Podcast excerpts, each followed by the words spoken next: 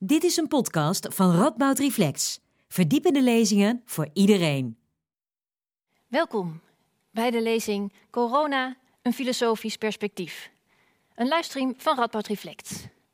Van mondkapje tot lockdown. Van angstpreventie tot oorlogstaal. De coronastorm raast door ons lijf en door de samenleving. Hoe gaan we om met deze crisis? Hoe gaan we om met de maatregelen tegen deze crisis? En hoe gaan we om met de reacties op de maatregelen tegen deze crisis? René ten Bos is filosoof van de Radboud Universiteit en voormalig denker des vaderlands. In zijn nieuwe boek De coronastorm, hoe een virus ons verstand wegvaagde, analyseert hij de situatie aan de hand van 26 thema's. 26 thema's voor iedere letter van het alfabet 1. En vandaag hebben we drie van die thema's uitgekozen en gaan we het hebben over deskundigheid, preventie en oorlogstaal. Het programma is als volgt. René geeft drie korte lezingen van een kwartier. Daarna ga ik steeds dus na iedere lezing ga ik even met hem in gesprek. En is er ook de gelegenheid voor uzelf om vragen te stellen. En dat kunt u gedurende het hele programma doen via menti.com. En de code vindt u onder in beeld of in de beschrijving van de chat. Leuk dat jullie er zijn. Mijn naam is Liesbeth Jansen. Ik ben programmamaker bij Radboud Reflect. René ten Bos, welkom ook aan jou. Fijn dat je er bent. Hallo.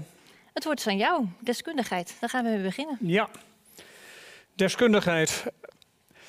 Ik definieer het deskundige als iemand die zijn eigen onwetendheid beter weet te verdoezelen dan anderen. Aardige van zo'n definitie is natuurlijk dat veel mensen daar onmiddellijk heel erg boos over worden. Maar dan vergeten ze dat dit boek natuurlijk opgezet is als een soort dictionair in de klassieke zin. En dat ik mij enige satire en sarcasme uh, uh, veroorloof. Um, wat ik natuurlijk niet bedoel is deskundigen, dat deskundigen helemaal niets weten. Maar wat ik bedoel is dat als we het hebben over deskundigen, dat we het hebben over mensen die nooit helemaal zeker zijn van hun zaak.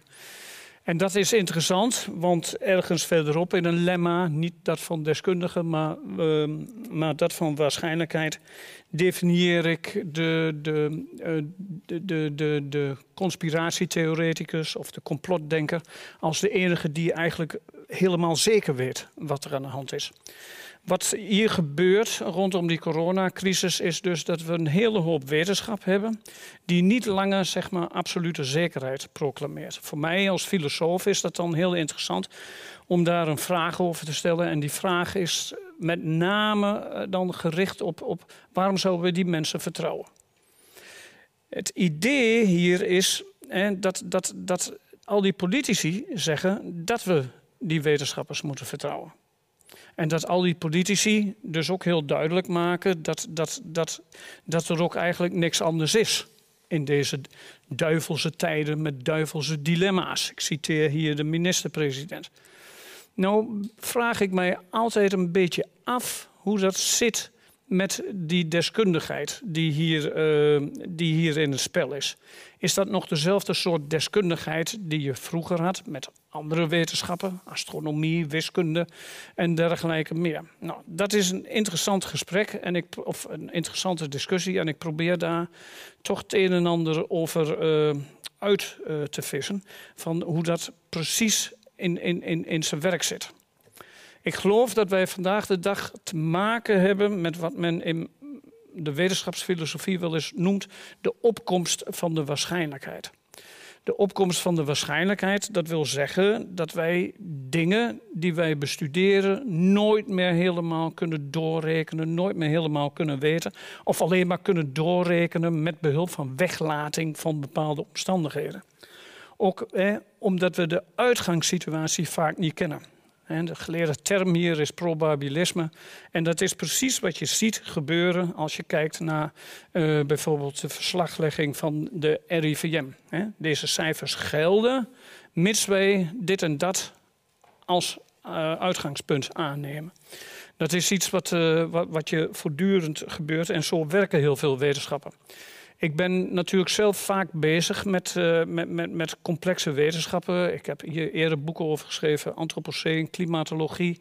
en dergelijke. En dan heb je ook zo'n soort wetenschap waarbij je eigenlijk steeds met mensen tegenkomt die niet meer handelen in zekerheden, maar die handelen in graden van waarschijnlijkheid.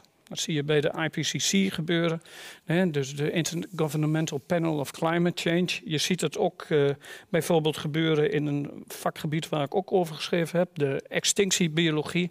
Wij weten niet precies wat er eigenlijk aan de hand is als wij spreken van biodiversiteitsverlies.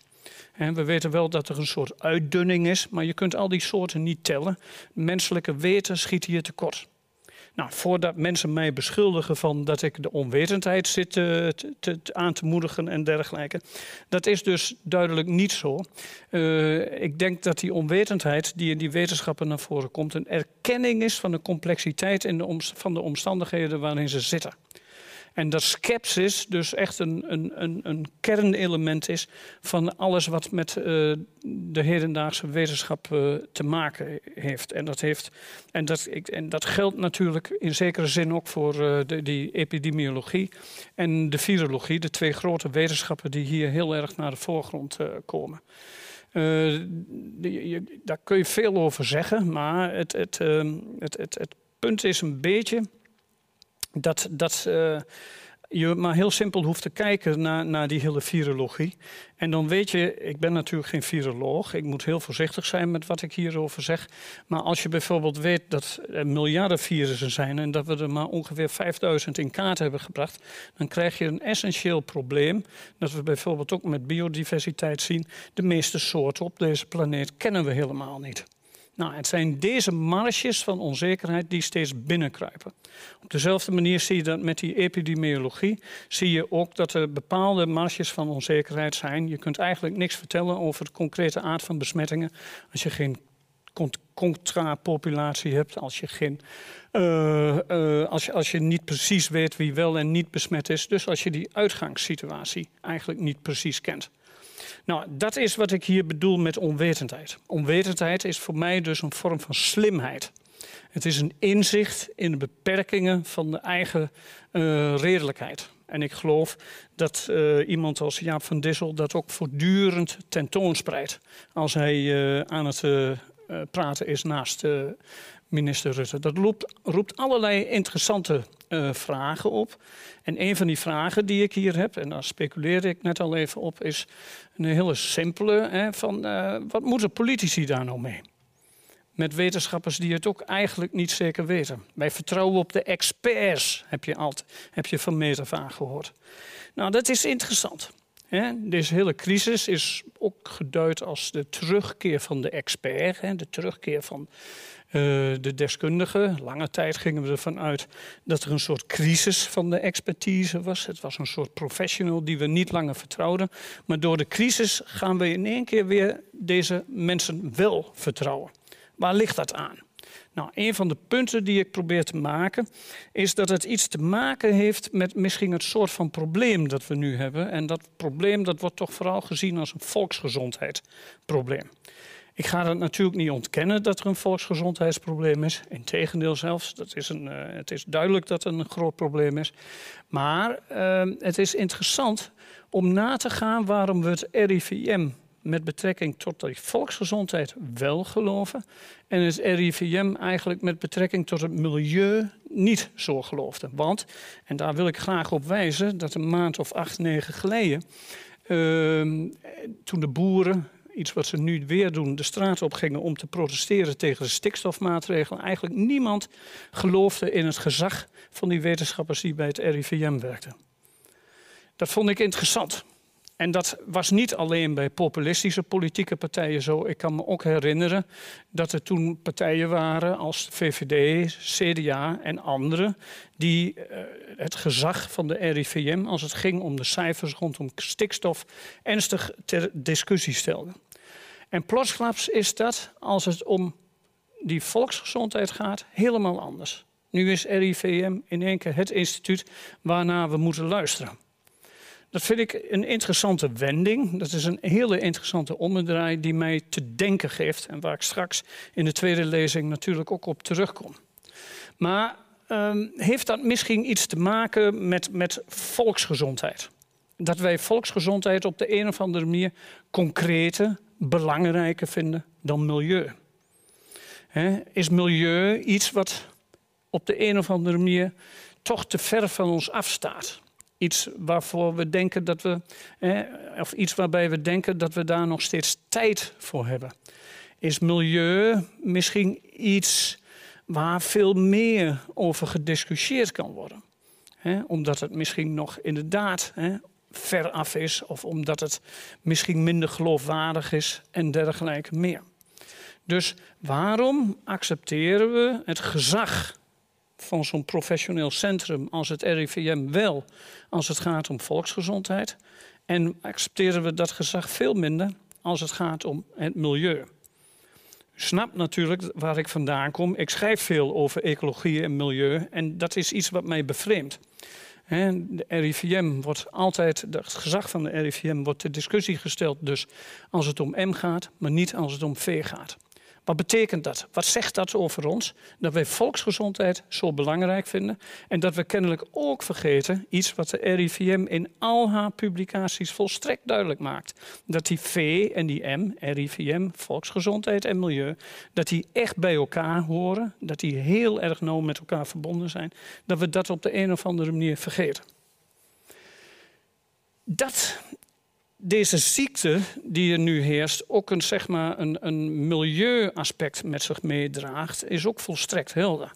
Al eind maart verschenen de eerste artikelen in wetenschappelijke tijdschriften. De Lancet, ik kan me een artikel herinneren uit Italië, waarin erop gewezen werd dat deze ziekte het vooral heel erg goed doet in gebieden met een ernstig soort uh, milieuverontreiniging die we luchtvervuiling noemen. Bergamo, een stad waar uh, de lijkenkisten werden opgestapeld. Is een stad met, met, met, uh, een, uitermate dicht, uh, met een uitermate groot smogprobleem. En wat je dus ziet hier is dat dat, dat, uh, is, is, is dat, dat mogelijkerwijze verband houdt met elkaar. In Nederland speelt dat op dezelfde manier een rol. Hè. Er zijn onderzoeken, ook van het RIVM zelf, die aantonen of die aanwijzingen bevatten dat het bijvoorbeeld in Noordoost Brabant, en dus Noord-Brabant en dan het noordoosten van Noord-Brabant zo slecht ging. Omdat uh, daar uh, ook, ook ernstige luchtvervuilingsproblemen zijn. Die niet overigens alleen maar samenhangen met uh, auto's die daar voorbij razen, tal van autowegen. Maar ook met, met, met de manier waarop wij dieren houden. Dus, dus, en dat, dat, nou, dan moeten mensen niet denken dat ik zeg dat luchtvervuiling de oorzaak is van deze ziekte. Nee, het is veel meer zo dat luchtvervuiling mogelijkerwijs, en ook hier weer is niet zeker, mogelijkerwijs uh, het makkelijker maakt voor het virus om zijn slag te slaan. Nou, dit zijn discussies. Ik beschrijf daarom ook uh, in mijn boek uh, deze, deze, epidemie, deze COVID-ziekte, als de eerste ziekte van het Anthropoceen. Misschien is dat niet helemaal waar. Ik kan me ook voorstellen dat het obesitas een soort ziekte van het antropoceen is. Maar het is een soort uh, ziekte die ons plotsklaps misschien bewust gaat maken van die intrinsieke relatie die er is tussen milieu en volksgezondheid.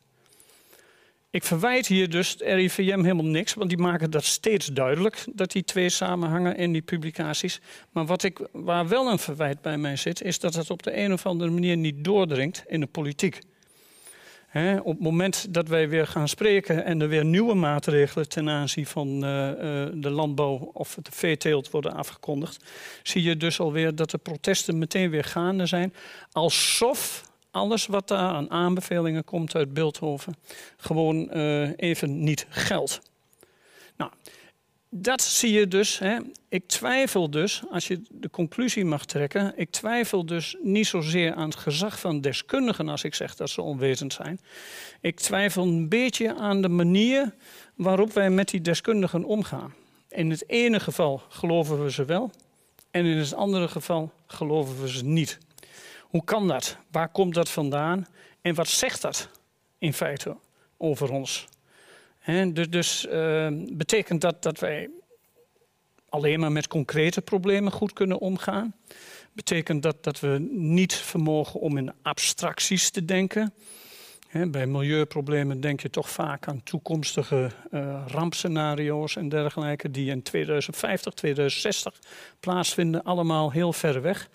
Betekent dat ook dat, dat, dat wij, um, um, als het gaat om, om, om uh, die, die, die, um, die, die, die, dat milieu, hè, dat, dat, dat, dat wij eigenlijk veel meer een benul hebben of een soort onbenul hebben, dat we dat niet aankunnen, dat we dat niet precies kunnen volgen. Terwijl we misschien bij het virus, als het ware, toch hopen dat er nog wat aan gedaan kan worden. Dus een van mijn filosofische stellingen in dit probleem is dus niet zozeer dat het gezag van de deskundige of de expert uh, terug is, maar dat het gewoon een beetje afhangt van het thema waarover we het hebben. Dankjewel René. Ja. Volgens mij was dit een heel goed thema om mee te beginnen. En je hebt natuurlijk heel duidelijk uitgelegd zeg maar, waar voor jou de kern van het probleem uh, zit. Um, ik vroeg me af, je zei onder andere dingen als deskundigen zijn mensen die het ook niet weten. Uh, je zegt, nou, we, we spreken over marges van onzekerheid. Um, dan vraag ik me af, is het ware probleem niet eigenlijk niet zozeer dat we geen eenduidige kennis hebben, maar het feit dat we dat per se wel willen hebben. Dus dat we moeilijk om kunnen gaan met ontwijfel, met onzekerheid. Uh, en dat, het, dat we juist he, van de wetenschapper niet accepteren dat hij binnen zijn eigen marges uh, werkt. Dat hij zegt, ik, ik kan me ook vergissen. Mijn collega kan het misschien bevestigen of ontkrachten. Maar dat we gewoon willen zeggen, we willen gewoon, hè, we willen geen twijfel, we willen het gewoon weten. Is dat niet het ware probleem? Ja, ik, ik, ik, denk dat dat uh, zo is. Kijk, als je naar besluitvormingsmodellen en dergelijke kijkt, die mensen leren op. op uh, Inmiddels gaat het wel wat more sophisticated, maar je hebt zoiets als rational problem solving. En, en, en, en dat gebeurt in, in bedrijfskunde, bestuurskunde en dergelijke. Dat zijn met oog op dit soort uh, ja, woorden die ze dan gebruiken, zijn wicked problems, uh, complexe toestanden. dat valt een beetje weg. Ik vind het wat dat betreft ook heel interessant dat, dat uh, onze minister-president sprak van die duivelse dilemma's. Mm. Want die duivelse dilemma's, ja, dan denk ik, oh jee, ja, hij komt er eindelijk achter dat het duivelse dilemma's zijn, zou ik bijna willen zeggen. In maar plaats van? Uh, nou ja, in plaats van problemen die je gewoon moet oplossen. En, en dat uh, in politiek is volgens mij altijd heel erg dilematisch. Of aporetisch zouden filosofen zeggen. Maar, uh, dat, dat, maar nu komt dat in het bijzonder naar voren. En het is interessant dat onze minister-president dat dus, dus ook als het ware meteen zegt. Kun je daar een heel concreet voorbeeld van geven? Van waar je, waar je dat in hebt gezien? Zo'n dilemma? Nou ja, je, je, die, die lockdown gaat ten koste van de economie. Om maar eens iets te noemen. Nou, dat is een heel eenvoudig voor de hand liggend dilemma. Of uh, de zorg die wij hebben voor uh, oudere mensen. Want eh, vandaag nog, as we speak, maakt RIVM bekend dat de gemiddelde leeftijd 83 is van de mensen die overlijden. Uh, ja, wij vragen wel een, uh, een, een, een, grote vorm van solidariteit van jonge mensen. Die bepaalde toekomstperspectieven althans voorlopig gefnuikt zien. Dus, dus dat, zijn dat, dat zijn voorbeelden van dilemma's. Ja. Ik zie dat er heel veel vragen via Menti binnenkomen. Dat is heel goed, dank jullie wel. Ik ga de eerste vraag aan jou voorleggen, René. Uh, zijn we inmiddels de stoïcijnse houding uh, met betrekking tot epidemieën en pandemieën kwijtgeraakt? Maar, nou ja, dat is de eerste vraag misschien. Was dat ooit anders? Zijn we ooit op andere manieren omgegaan met ja, epidemieën dan, dan we dat nu doen. Er zijn teksten die gaan over de epidemieën. En die teksten, die, boeken, geschiedenissen van epidemieën. En in veel van die teksten wordt erop gewezen dat we ten aanzien van bijvoorbeeld de Hongkong-griep... ik was toen zelf nog een kind van tien... of ten aanzien van de Asian flu, eind jaren 50, 58 was dat geloof ik...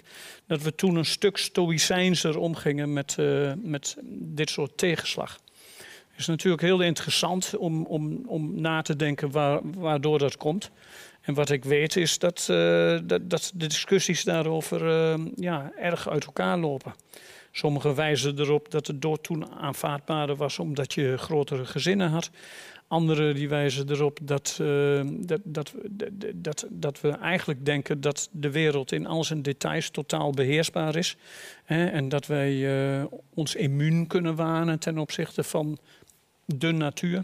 Zoiets. Hè? En, dus er zijn heel veel verklaringen voor. Maar uh, in het algemeen kun je de stelling wel aan dat wij wat minder stoïcijns zijn geworden ten opzichte van dit soort uh, epidemieën. Ja, en rampen en ongeluk misschien meer in het algemeen. Uh, ja, nou ja, we vinden eigenlijk dat het er niet bij hoort. Ja. Dat, dat is, dat, dat, uh, en uh, het is ook niet aan mij om te zeggen dat het er wel bij hoort. Maar, maar dat, dat, is niet wat ik bedoel te mm. zeggen. Maar het, uh, het, is eigenlijk op de een of andere manier onaanvaardbaar. Ja. Daar kom ik straks bij de oorlogstaal natuurlijk nog wel op terug. Ja. Dus dat... dat ja. ja. Ik, ik, herinner me dat wij toen we net even wat zaten te eten voorafgaand aan dit programma, dat je het, het had over het verschil uh, in politiek tussen of we de richtlijnen van het WHO, van de Wereldgezondheidsorganisatie, volgen uh, of niet. En iemand stelt daar een vraag over en zegt: uh, moeten wij deze organisatie wel blind volgen? Zeker als je ziet dat zij voor een deel bestaan door particuliere donaties. In hoeverre is, is de Wereldgezondheidsorganisatie wel een objectieve partij? Nou, je moet ze kritisch volgen. Uh, maar ik denk dat de Wereldgezondheidsorganisaties uh, evident zijn sporen verdiend heeft. Als je kijkt naar de hele geschiedenis, bijvoorbeeld ook met bestrijding van pokken en dergelijke, heeft ze een hele belangrijke rol gespeeld. Maar het is net als iedere andere institutie. Het is ook een institutie die net als de Belastingdienst kan falen. En er is op dit moment uh, een enorme discussie of ze de omvang van dit, uh, deze epidemie in, in China niet, niet onderschat hm. heeft. En, en, en dat ze te veel de Chinese autoriteiten uh, over het intomen van de epidemie geloofd heeft. Ja.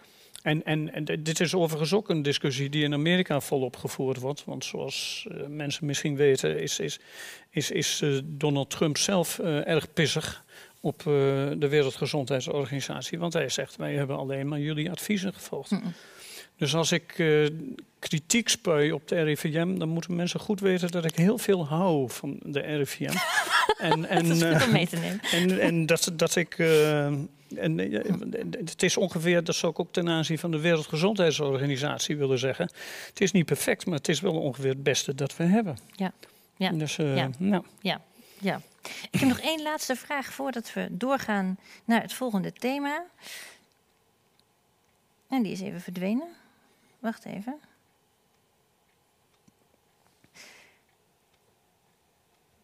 Ja, sorry, hier is die weer. Zijn mensen ook niet eerder geneigd om te zoeken naar houvast in expertise op het moment dat ze angstiger worden? Dus is het niet ook gewoon logisch dat wij op het moment dat we denken, oh help, wat gebeurt er? Dat we dan juist denken, ja, die expert die moet het ons, die moet ons redden, die moet het ons komen vertellen? Ja, het is eh, eh, heel interessant. Je hebt uh, van die uh, job veracity indexes. Dat is een verhaal dat ik wel eens vaker vertel. Dat zijn lijsten waarin aangegeven wordt hoezeer wij bepaalde beroepsgroepen vertrouwen. En beroepsgroepen die draaien rondom een soort expertise, een vakkundige expertise, professionals en zo, die worden over het algemeen heel erg vertrouwd. Dus als je gewoon eh, mensen in de straat vraagt welk soort beroepsgroep vertrouw je, dan zeggen ze bijvoorbeeld verpleegkundigen, dokter, zelfs wetenschappers uh, en, en, en ook advocaten. Dus meestal vertrouwt men gewoon uh, professionele groepen.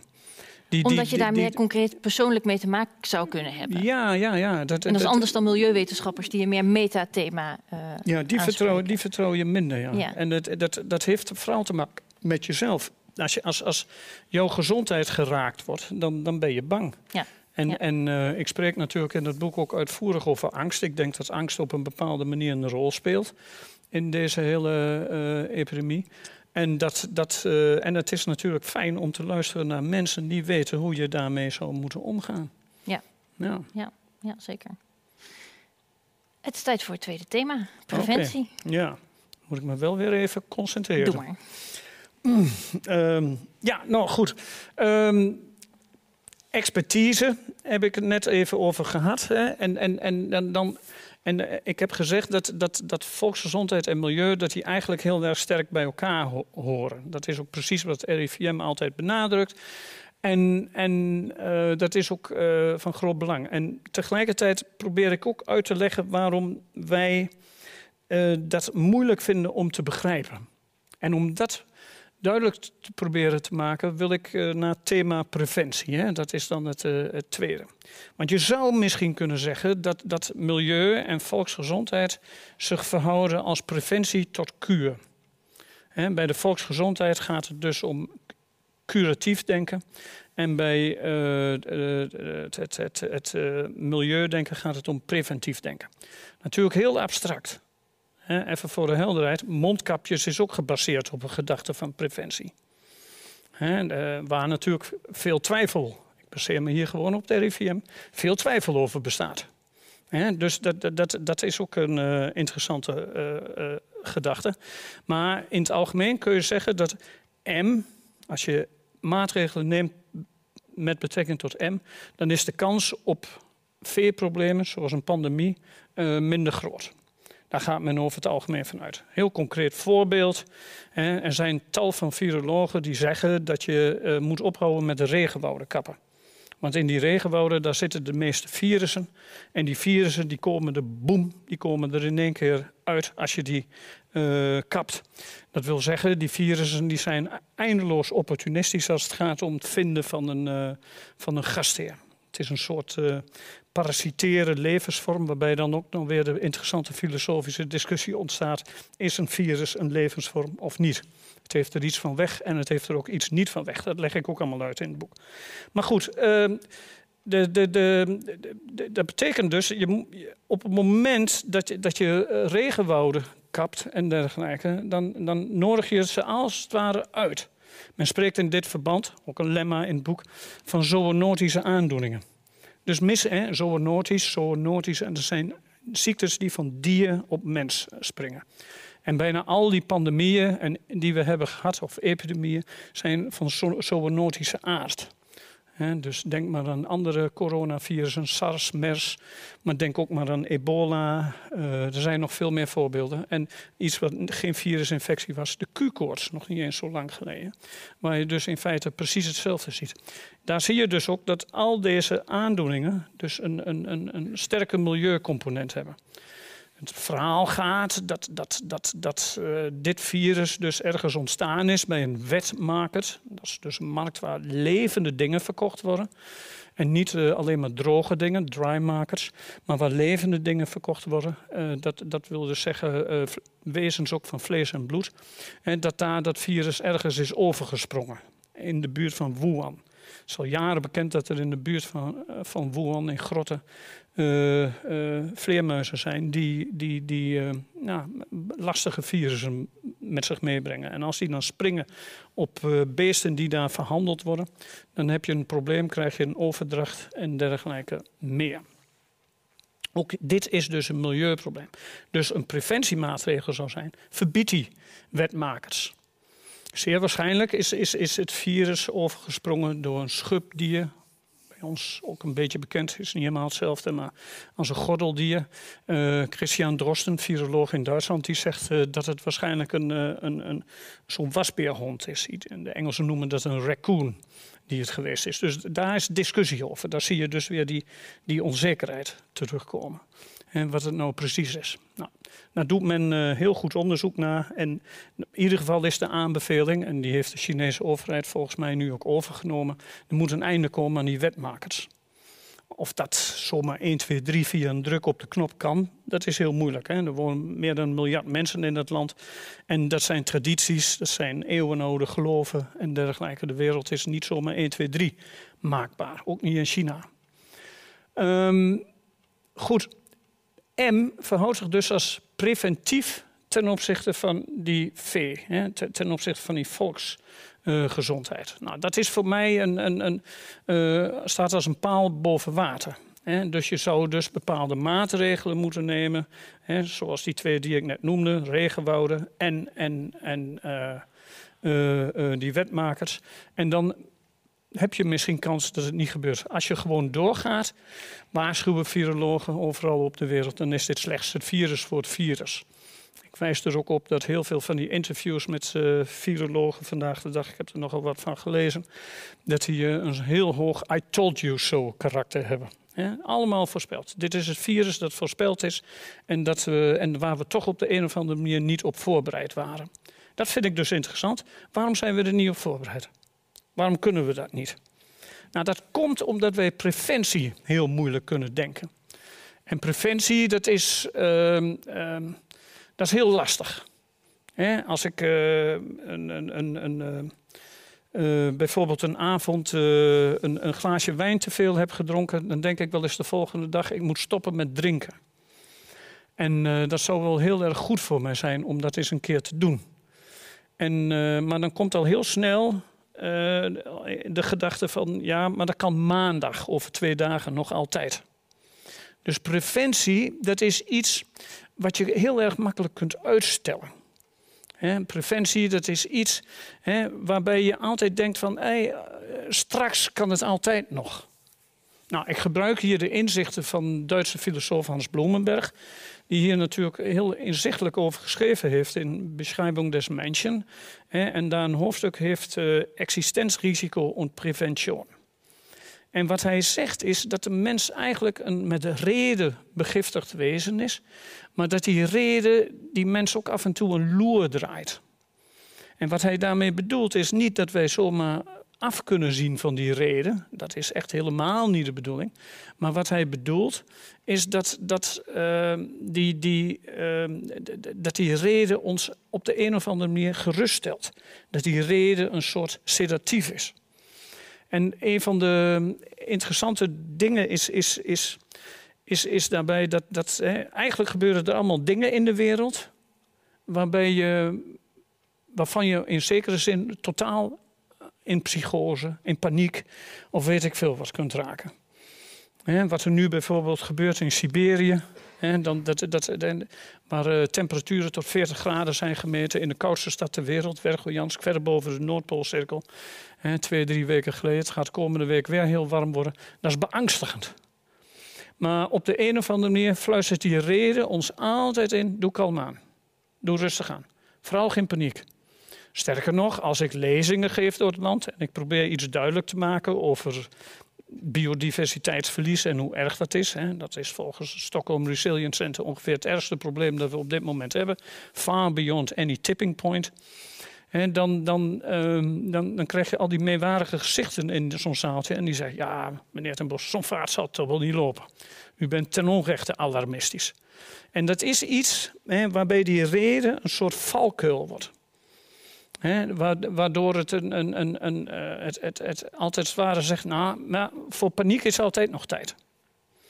het is nog niet, uh, er is nog tijd om het een en, ander, een en ander te verhinderen. Dus wat betekent dat? Dat betekent dus dat, dat uh, de mens gedefinieerd zou kunnen worden als een dier dat met reden begiftigd is en dat omdat het met die reden begiftigd is altijd denkt dat het nog tijd heeft. Ook als het geen tijd meer heeft. Dus uh, iedere vorm van alarmisme wordt dus op de een of andere manier uh, platgewalst of platgeslagen door die reden. En wat zegt die reden dan bijvoorbeeld? Ja, we moeten het eerst eens gaan analyseren. Of laten we er eens met z'n allen lekker over gaan praten. Dus het is bijvoorbeeld, vind ik ook altijd heel interessant, dat we veel makkelijker kunnen praten over uh, hoe het klimaat in 2050 eruit moet zien, dan over de huidige situatie dus dat is voor mij een, eh, een, een, een, belangrijke uh, uh, gedachte die, die hier een rol speelt. Wat betekent dat dus? Dat, dat, dat, dat, dat we preventie veel moeilijker vinden dan curatief denken. dat is heel eenvoudig. Dat komt ook omdat preventie iets van ons eist waar we liever niet aan willen. Bijvoorbeeld dat je je levensstijl niet meer drinken moet opgeven. Of dat je niet meer moet roken en dergelijke, dat je moet opgeven. ik heb een zoon die graag rookt en ik zeg hem ook altijd, het is een ontzettend lieve jongen. Maar, en dan zeg ik stop nou met roken en dan zegt hij, daar heb ik nog wel tijd voor dus dus dat, dat, dat is een beetje die, die, die houding die, die, die, die, de mens zichzelf aanneemt. Ik vind het trouwens ook hartstikke goed dat mensen dat hebben, maar dat terzijde. Maar het laat wel even zien hoe moeilijk uh, dat, dat is. Um, wat betekent dat dus? Hè? Ik ga nog een voorbeeld geven. Hè? Je, je, hè?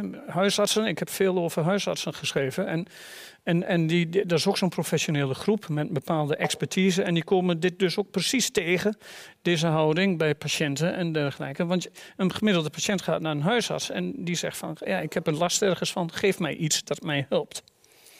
En als de huisarts plotsklaps gaat zeggen... het waren misschien toch te overwegen geweest dat u eens iets meer beweegt of eens wat minder vette dingen eet of iets dergelijks, dan uh, voelt de patiënt zich onmiddellijk in zijn zijnswijze aangetast.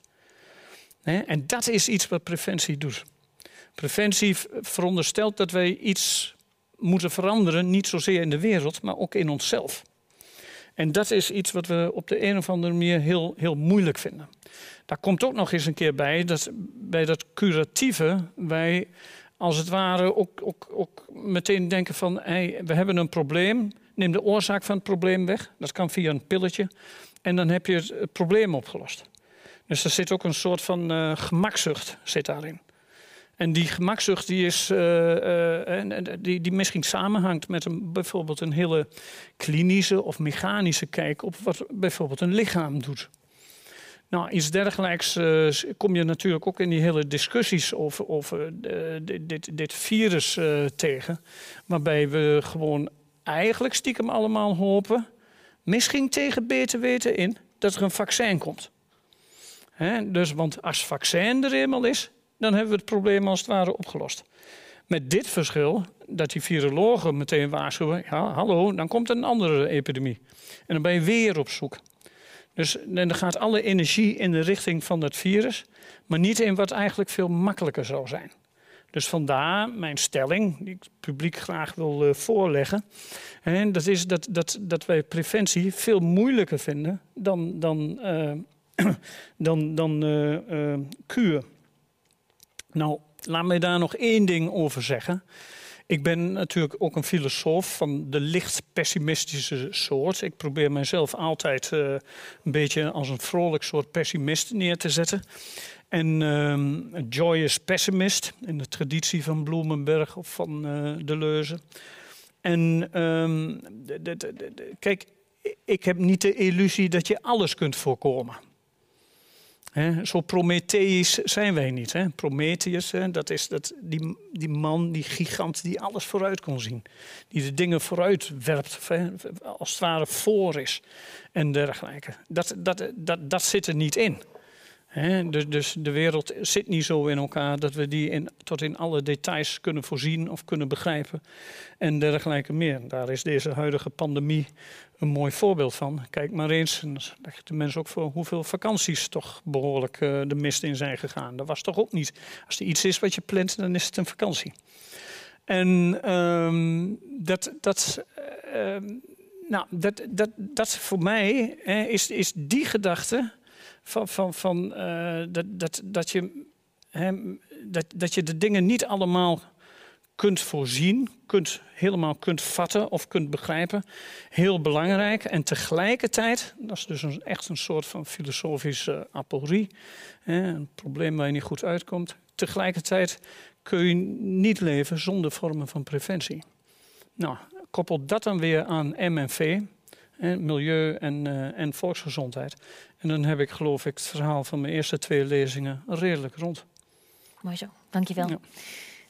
Um, je zei net, gevoelens van alarm die worden vaak platgeslagen door de reden.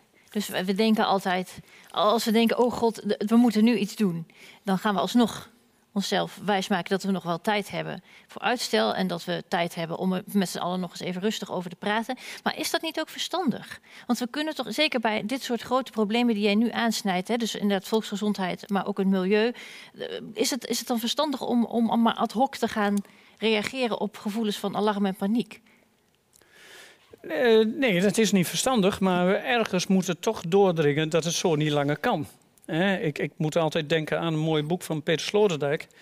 Dat was in de tijd dat hij nog hele mooie boeken schreef. Uh, en, en, in 1989, dat was in de periode dat we net Chernobyl achter de rug hadden. Dat, we, de, dus, dat er allerlei nare dingen gebeuren in de wereld, ook grote rampen.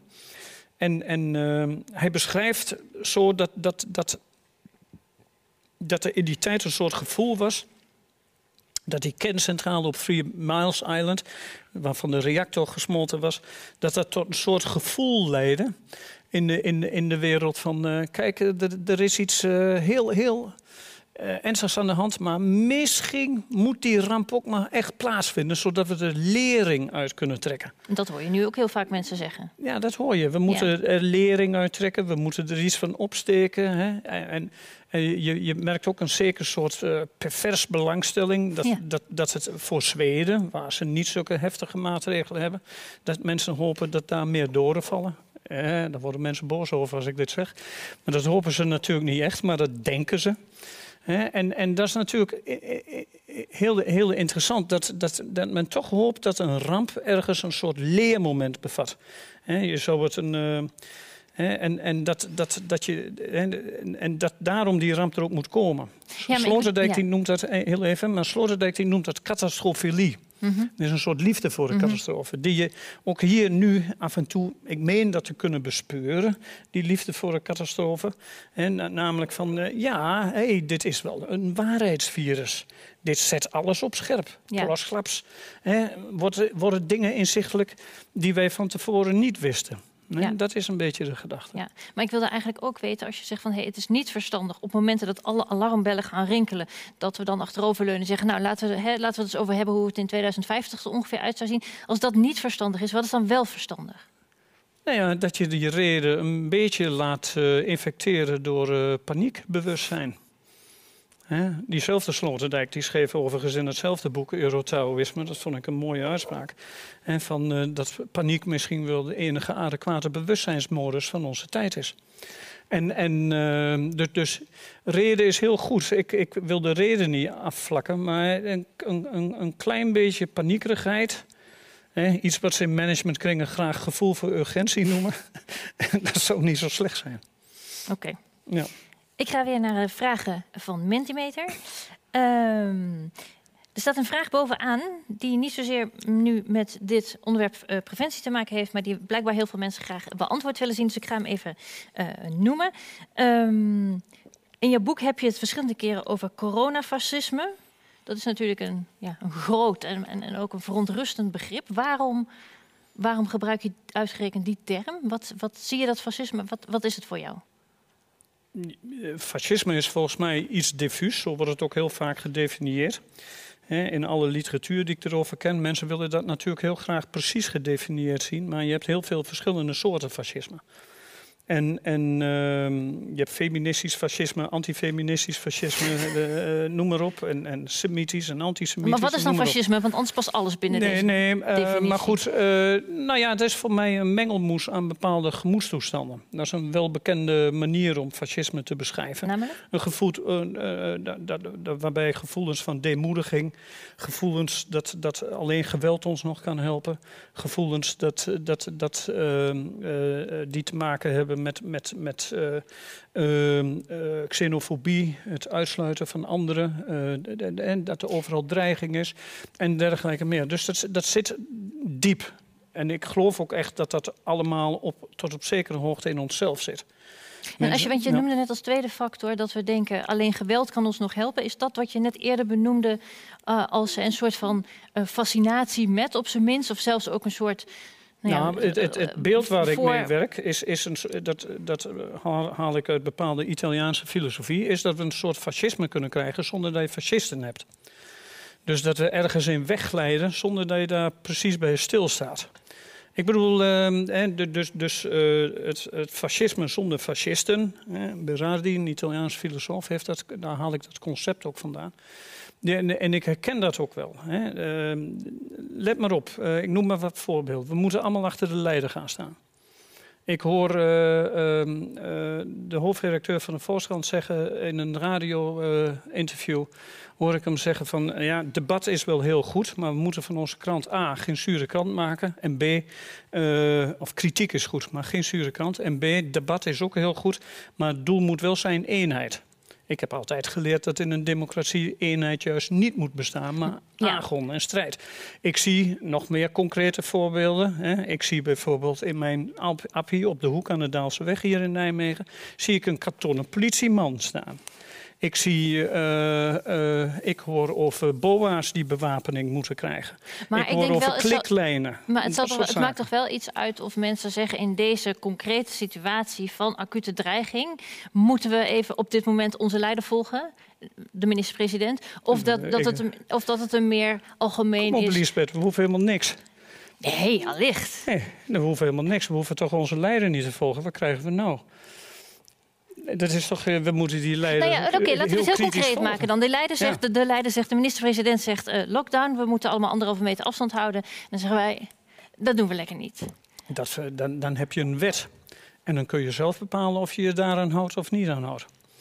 En dat is de manier waarop je je onderwerpt aan die wet. Maar dit is toch nog geen wet? Nou, dat hoezo niet? Als jij, eh, die, eh, als, je- als jij je niet houdt aan lockdown-maatregelen, dan krijg je bekeuringen. Je krijgt zelfs een s- strafbladaantekening en dergelijke meer. Hallo? Ja, maar in dit geval valt het ene toch met het andere samen. Oké, je hebt gelijk, het is een regel met een, waar je een bekeuring op kunt krijgen, waar een er overtreding zijn, op staat. Er zijn noodverordeningen. Ik heb ook een item in het boek dat, eh, dat heet noodtoestand. En de noodtoestand is een juridisch... Wij hebben geen noodtoestand in de strikte zin. Maar we tenderen daar enigszins. Maar even voor de helderheid, ik ga ook niet mee met conspiratiedenkers die denken dat we in een staat van beleg leven. Dat is allemaal onzin. Maar andere landen, Frankrijk, eh, België, hebben wel een noodtoestand afgekondigd. En Ja. juridisch gezien is de noodtoestand niks anders dan een deactivering van het recht.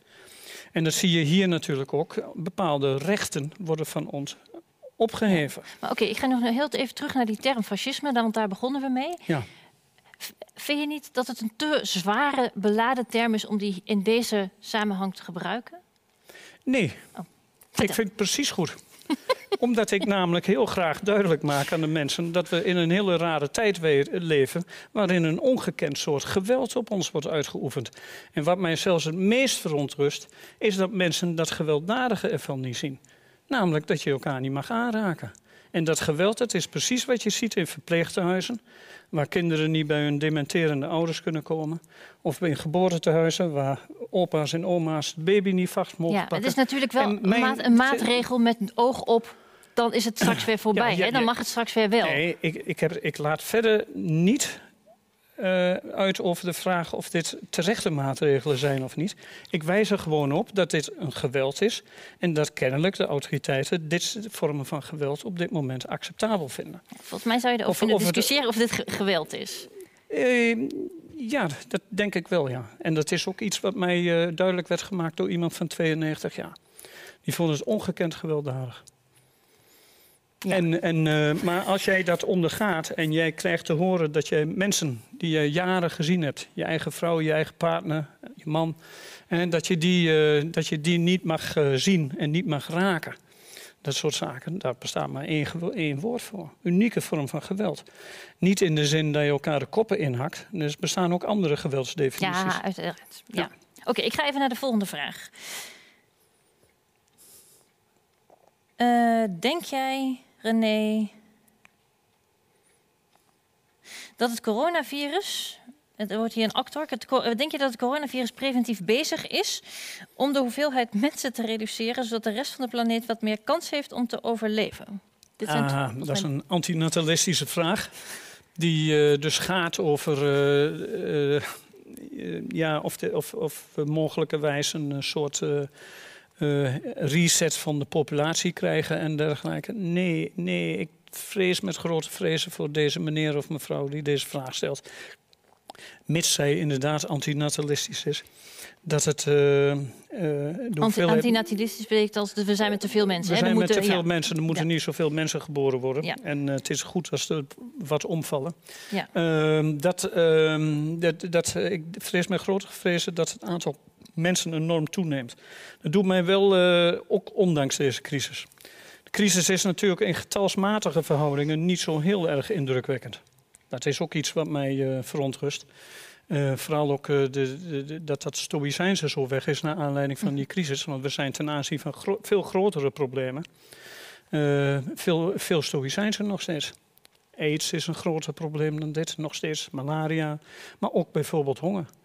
Ja, maar daar is het probleem natuurlijk, dat speelt niet hier. Hier gaan mensen niet dood van honger, ook niet aan malaria. En nou ja, voor een deel het affecteert ons wel in de vorm van vluchtelingencrisis en, Ja. en, en dergelijke meer. Ja. Maar daar zie je weer die abstractie, dat het, dat het eh, weer verder houden. komt. Kun je afstand houden. Ja. Dus dat, dat, eh, maar je hebt die teller van de Johns eh, Hopkins Universiteit. En dat is ook een, in- in- die houden die tellers bij wereldwijd. En ik, ik heb dat boek, was met mij af. En toen uh, was de tellen van het aantal uh, mensen die sterven aan honger of aan hongergerelateerde ziektes gaat ongeveer tien keer zo hard. Dus dat verbaast mij dus dat, mm -hmm. dat, dat, dat, dat ons niet raakt. En dit wel. Dus ja, dat, dat ons niet raakt, maar dat we er niet zo hard op ingrijpen. Ja, ja, ja, ja, ja. Zullen we naar jouw laatste onderwerp gaan? Oorlogstaal. Oorlogstaal. Nou, uh, oorlogstaal. Ik moet even wat water pakken. Doe maar. Ja. Um, je ziet, oorlogstaal, dat, is, dat, dat, dat vind ik interessant. Om, om meerdere redenen. Want um, dat, dat komt natuurlijk op op het moment dat een andere liberale politicus, met wie onze minister-president het goed kan vinden, de Franse president Macron, op een gegeven moment gaat zeggen dat, dat wij in oorlog zijn met het virus. Wij zijn dus in oorlog met het, uh, met het virus. En wat ga je dan meteen doen? Als filosoof ga je een beetje nadenken wat daar de betekenis van kan zijn. Je kunt natuurlijk zeggen, dit is een vrij onschuldig soort uh, metafoor of een vrije, onschuldige vorm van propaganda. Of je kunt ook zeggen dat dit een, uh, nou ja, dat het een uh, slip of de tong is geweest. Maar let op. Even later, een maandje of drie, uh, sorry, een week of drie later, zegt meneer Sanchez, de baas in Spanje, op een gegeven moment tegen de Nederlandse regering dat ze niet zo gierig moeten zijn. Want in een oorlog laat je je echte vrienden niet in de steek.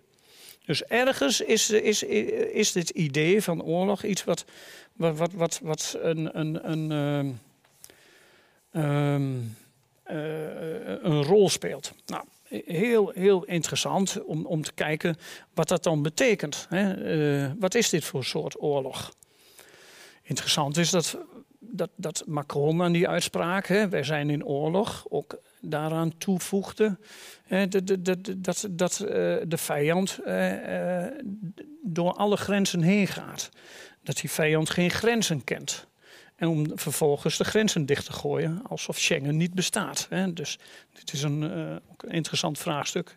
Een enorme klap voor Europa.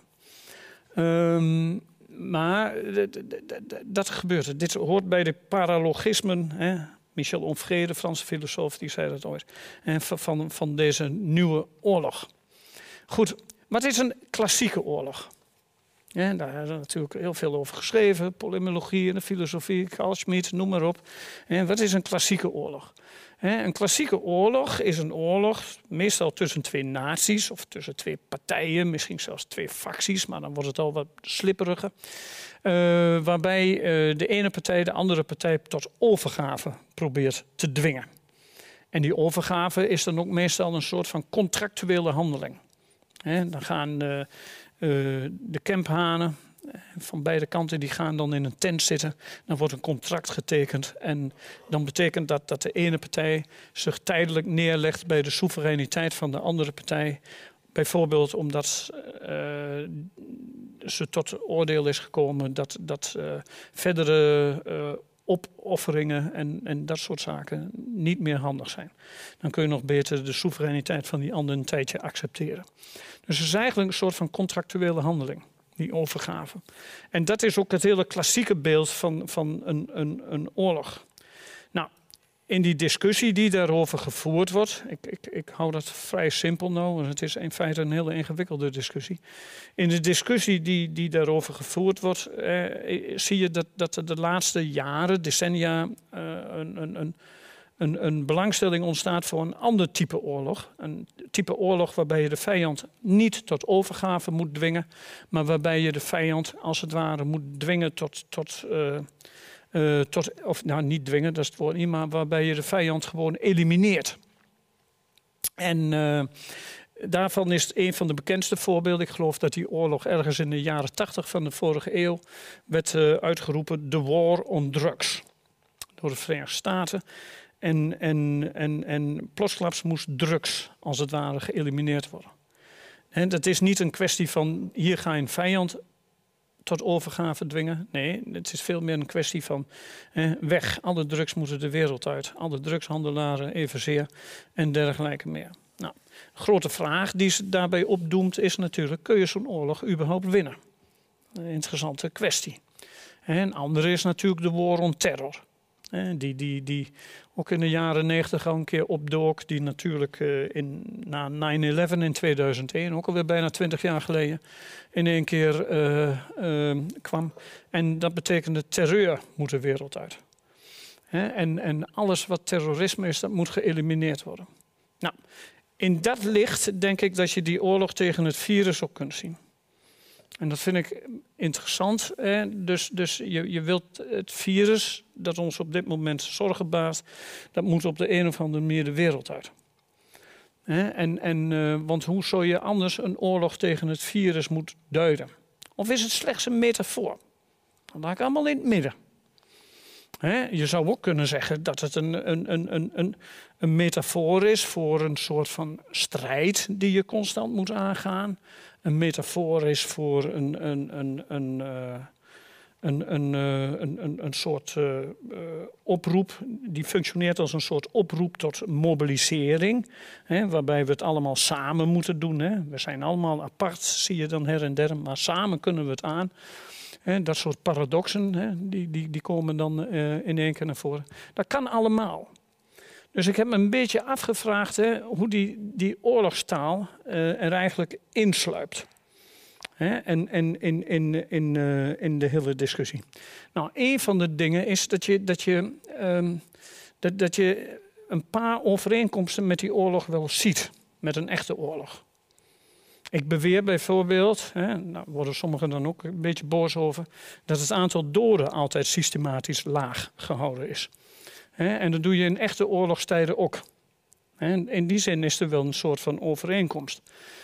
Dat, uh, dat, dat er dan door de autoriteiten beweerd wordt dat het werkelijke aantal doden een stuk hoger ligt, dat kwam pas na verloop van tijd.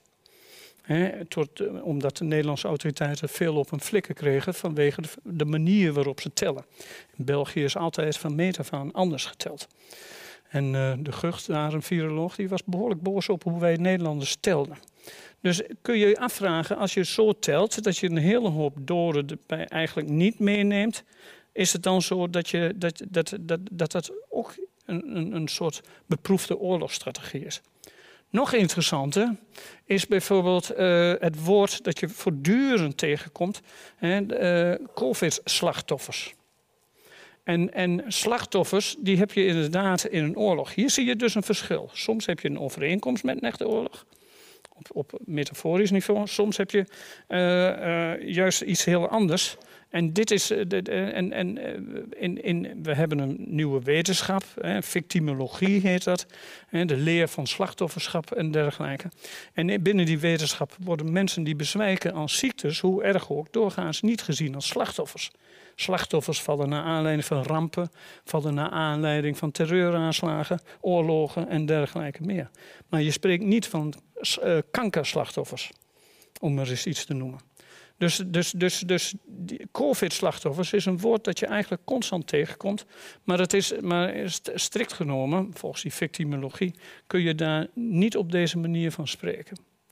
Dus die oorlogstaal die je, die, die je ziet, hè, die kom je ook op, op, op andere niveaus kom je die tegen.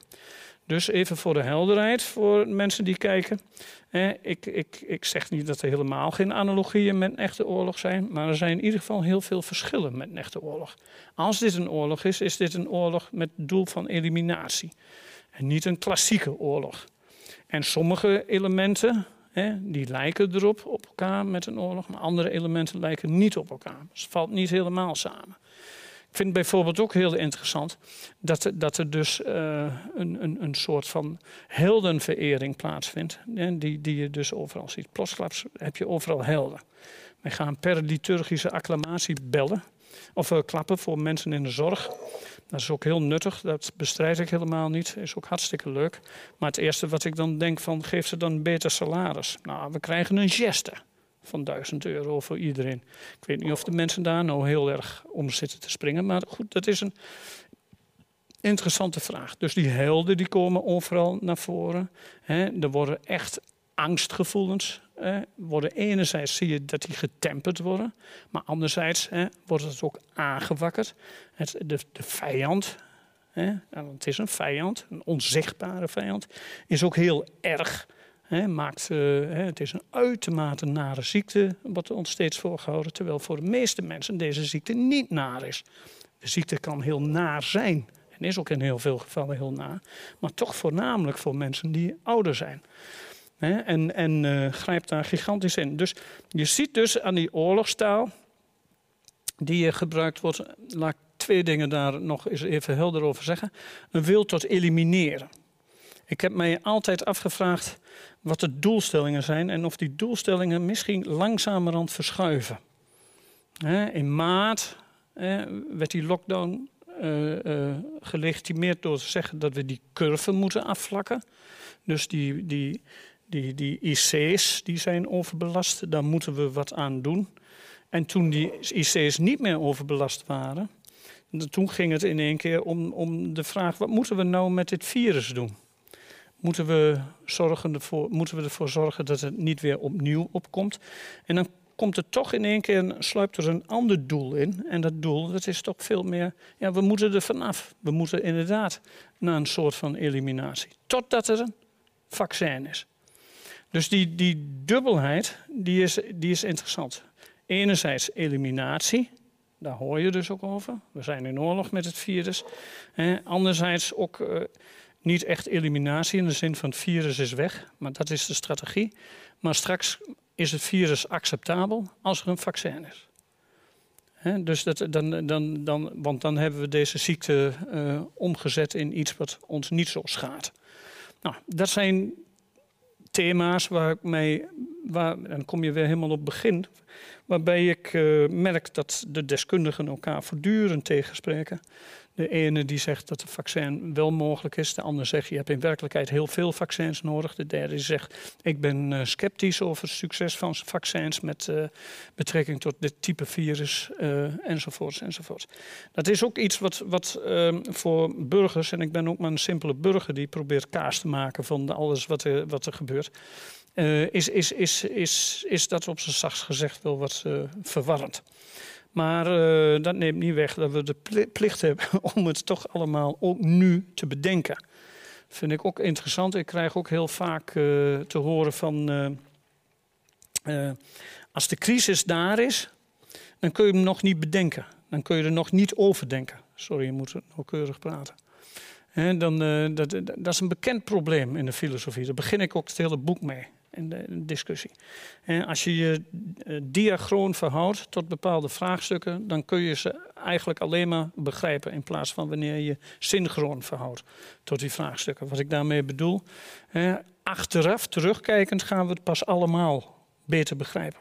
Nu zitten we er middenin. Dat is het probleem van de gelijktijdigheid. Søren Kierkegaard die schreef daarover. Ja, wij nemen het tijdgenoten van Christus kwalijk dat hij aan het kruis is geëindigd. Maar ja, stel je voor dat hij nu in één keer opkomt dagen onder ons. Dan hadden we het allemaal geen van allen begrepen. Vanuit dat soort onbegrip heb ik geprobeerd uh, dat hele boek uh, te schrijven. In de hoop dat ik er toch op de een of andere manier een klein beetje uitkom. Wat natuurlijk zoals een uh, filosoof betaamt, in het geheel niet gelukt is. Dankjewel. Ja, jij bedankt René.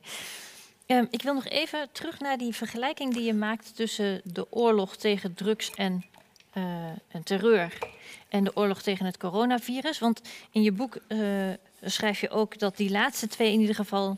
Dus, sorry, ik bedoel dus de oorlog tegen drugs en terreur, dat die gekenmerkt worden uh, de, door, door, door de afwezigheid van rationaliteit en dat de menselijkheid van de ander niet wordt herkend. Er, wordt erkend, moet ik zeggen. Hoe zie, je dat, hoe zie je dat dan hier? Nou, het virus wordt gewoon meteen gezien als een vijand. Ik heb ook een item dat heet virussen. Uh, virussen zijn doorgaans helemaal geen vijanden. Er is een prachtig boek verschenen in de microbiologie. Dat heet uh, Friend of Viruses, uh, friend, friend of Foe. Dat is een van die teksten waar ik me dan op baseer. Meestal zijn virussen gewoon heel nuttig en gunstig voor Ja, maar ons. deze niet, omdat heel veel mensen dood nee, nee, nee, ze hebben, ze, ze hebben ongelukkigerwijs ze hebben virussen niet al te veel compassie met ons. ook niet als ze iets goeds voor ons doen. Maar, maar het is ten onrechte dat dat virus uh, helemaal in, in, uh, in, in, in, in, ja, in een kwaad daglicht gesteld wordt vind ik wel jammer. Het betekent ook letterlijk gif of slijm of zoiets. Dus iets waar je je verre van wilt houden. Maar wat heeft het te maken met het niet erkennen van de menselijkheid van anderen? Oh, dat, dat heeft te maken met, het, uh, met een soort van vijandbeeld dus als die ander er op de een of andere... Ja, misschien denk oh, ik je vindt dat we, dat, we de, de, dat we positiever moeten kijken naar het virus zelf? Ik, ik denk dat je het virus... Ja, ik denk ook op een bepaald opzicht dat het virus heel interessant is. Ja, interessant. En mooi. Maar ja, als jouw en, vader of moeder overlijdt, dan is het altijd wel interessant zijn. Oh, da, daar heb je het over. Ja, nee, dat, ja, nee dat, kijk, moet ik hier medelijden gaan hebben of zo? Of, uh, nee, nee, nee, ik begrijp gewoon de overeenkomst niet zo goed. Nee, nee maar het, het, ik geloof zelfs dat als, als mensen alleen maar heel afkerig zijn van dit soort problematiek die ook met virussen uh, bestaat. En als je daar niet oprecht ook een bepaald soort fascinatie of interesse en alleen maar vanuit een soort angst je erin verdiept, dan, dan, kun je dat werk niet doen. Die mensen die in die grotten gaan kijken en die, die, die daadwerkelijk uh, uh, allerlei risico's lopen op het moment dat ze daarmee omgaan. Dat zijn mensen die, die, die hun leven riskeren. En, en, uh, ja, maar uit vrije wil, hè? Ja, dat weet ik wel. Maar dat, dat, dat, ik denk dat dat uh, ja, een beetje beter begrip voor wat die virussen zijn. Terwijl ik, ik claim echt geen wetenschappelijke expertise hier of zo. Maar ik probeer er wel zoveel mogelijk over te lezen. Ja. Dat is wel handig, ja. ja. Maar en als je nou zegt van inderdaad... Dat vind ik trouwens met drugs ook hoor. En, uh, dus dus dat, dat uh, kun je ook wel wat meer begrip voor hebben. Ja. Net als terreur, zou je ook meer... Nou goed, anyway. Nou, zie je, um, die komt van jou. die komt van mij, is goed. Um, als je nou inderdaad, laten we dat even als uitgangspunt nemen. Inderdaad, er wordt in oorlogstaal uh, gesproken over het coronavirus. Uh, hoe moeten we dan omgaan, of hoe kijk je dan naar de protesten die er zijn tegen de maatregelen? Uh, die de overheid ons heeft opgelegd. Hoe verhoudt zich dat tot nou, laat ik in eerste instantie zeggen dat de meeste mensen helemaal eens zijn met deze overheidsmaatregelen. En dat ze niet eens zijn met mij. Daar ben ik me heel erg goed van bewust. Dus, en dat recht hebben de mensen. En ik snap dat ook.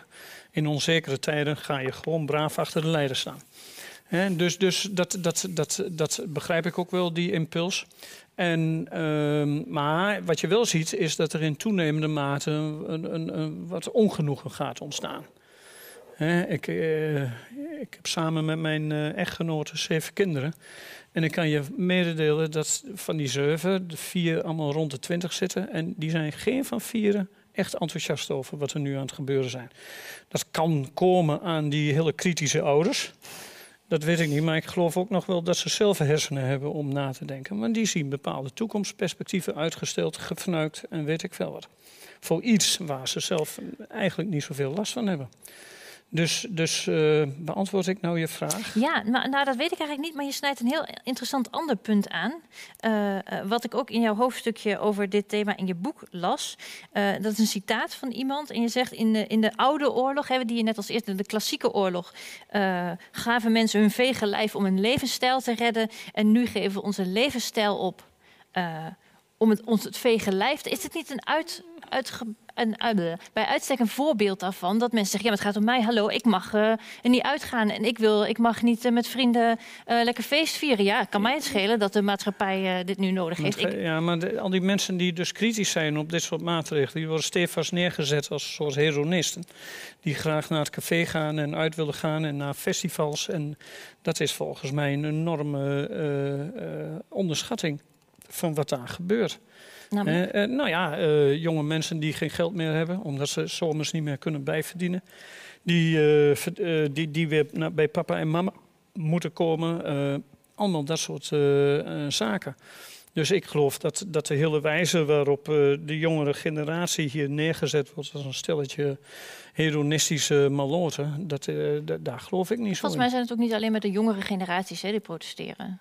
Nee, nee. Ja, kijk, er zijn heel veel mensen. Je hebt in eerste plaats hè, die, die complot- en die denkers en die, die conspiratiedenkers. Die zijn heel populair. G5, een laboratoriumding en weet ik veel wat. Uh, ik raad aan dat, om, om, om, om wel met die mensen te praten en, en, en, en, en, en, en te luisteren naar wat ze zeggen. Anders krijg je al heel snel een soort eh, politiek correct eh, discours dat over alles heen eh, eh, gelegd wordt. En dat is gewoon volgens mij helemaal niet goed. En ehm tweede is dat, dat ehm, groep is, ik denk dat jongeren steeds meer last hebben. Ik denk ook dat in de wereld van ondernemers, hè, denk aan horeca en weet ik veel wat, heel veel, eh, eh, ehm, ja, toch wel steeds meer bezwaren komen. En, en dat gaat vroeg of laat, gaat dat steeds verder uitbreiden. En dan gaan mensen zich afvragen van, ja, eh, eh, wat, wat, wat, is dit nog legitiem? Dus, eh, wij lopen nu bijvoorbeeld allemaal het risico dat als wij bijvoorbeeld op vakantie willen naar Spanje of zo, dat daar plotsklaps in één keer een lockdown ergens wordt afgekondigd. En dan bij de sjaak of kunnen ze je twee weken in quarantaine stoppen. Ook dit is een enorme machtsuitoefening. Even los van de vraag of het, of het noodzakelijk is of niet. Hè? Dus, dus, eh, maar dit zijn wel eh, eh, zaken waar je goed bij stil moet staan. Dus we, leven nu in een tijd waarin de tijdgenoten hè, de, de, de, de, in één keer gaan beseffen dat ze van het ene moment op het andere bepaalde rechten kunnen kwijtraken. Oog in oog met een dreiging. Dat is wel een interessante gedachte. Ja. En dat is, vind ik in ieder geval een hele verontrustende gedachte. En dan heb ik het nog niet eens over de, laten we zeggen, gezondheidskundige rationale die achter die gedachte zou kunnen zitten. Het is bijna kwart over negen en dan gaan we stoppen. Dus dat wil zeggen dat ik nog even naar mijn vragen van Ja. Menti ga. En er staat nu opnieuw een vraag bovenaan die eigenlijk niet zozeer over eh, oorlogstaal gaat, maar die wel veel mensen hebben geüpvote. Ehm, en daar staat of het niet problematisch is. Eh, nee, iemand zegt eigenlijk, eh, of ja, mensen vragen. eh, je hebt een, je hebt een YouTube-kanaal dat heet Café Weltschmerz. En dat lijkt zelf vol complottheorieën te staan. Oh, en daar heb ik mij door laten interviewen. Ah. Waar Ja. Wat is de vraag? Nou, de letterlijke vraag is: Is het niet problematisch dat een hoogleraar filosofie en voormalig denker des Vaderlands een website en YouTube-kanaal als Café Weltschmerz vol complottheorieën legitimeert met een interview? Ik vind dat helemaal niet problematisch. Leg uit. Dat hoef ik niet uit te leggen. Wel, dat willen de mensen graag weten. A, is dit geen illegale organisatie? Dat is één. Ik heb daar natuurlijk wel met wat mensen over gehad. En eh, eh, twee, eh, vind ik dat ze wat ik te zeggen had nou bijzonder eerlijk hebben weergegeven. En drie, denk ik dat het gewoon hartstikke stom is om iedereen te willen uitsluiten met wie je het niet eens bent van het hele discours. Helder. Ja. Mijn kritische vraag bij deze vraag Ja. zou vooral zijn geweest: legitimeer je het dan door met ze in gesprek te gaan? Maar Nee, dat is een nee ik, ik neem eh, uitdrukkelijk afstand van complottheorieën. Dat is juist hartstikke goed om dat in het hol van de leeuw te doen. Ik, mag altijd, eh, ik vind het altijd heel leuk om Jesaja Berlin eh, te citeren en zo. En die- ik, ik heb veel over alt-right en fake news en weet ik veel wat geschreven. En, en de- de- de- verdiep je ook in de vijand, of in, eh, want, want die zijn ook slim. Ja. They pierce through our defenses. En om daar een soort eh, eh, ja, hygiënische uitsluiting overheen eh, te hangen, dat is gewoon het domste wat je kunt doen. Ja. Dat vind ik echt, dat is echt, totaal ongepast. Ik snap de vraag helemaal niet. Nee. Dus, ja. Nou, misschien zijn dit wel mooie Ja. woorden om deze avond mee af te sluiten. Verdiep je ook in de vijand. We- gaan niet denken in, in groepjes, in bubbels. En ik praat alleen maar met mensen die net zo denken als ik. Nee, dat moet je helemaal niet doen. Precies. Dus ik hoop dat veel mensen het grondig oneens zijn met het boek. Dus eh, ja. Heel goed, ga het vooral- lezen allemaal. De coronastorm van René ten Bos. Beste mensen, het is kwart over negen. Dat betekent dat wij hier bij Radboud Reflex gaan afsluiten. Ik wil jullie heel graag bedanken dat jullie er waren. Dat je vragen hebt ingediend, dat je hebt meegediscussieerd. Eh, en natuurlijk mijn opperste dank aan filosoof René ten Bos. Vond je dit interessant? Volg ons dan op, op, eh, ja, op YouTube en andere social media. Ehm, en wellicht tot een volgende keer bij een livestream of hopelijk gewoon weer in de zaal.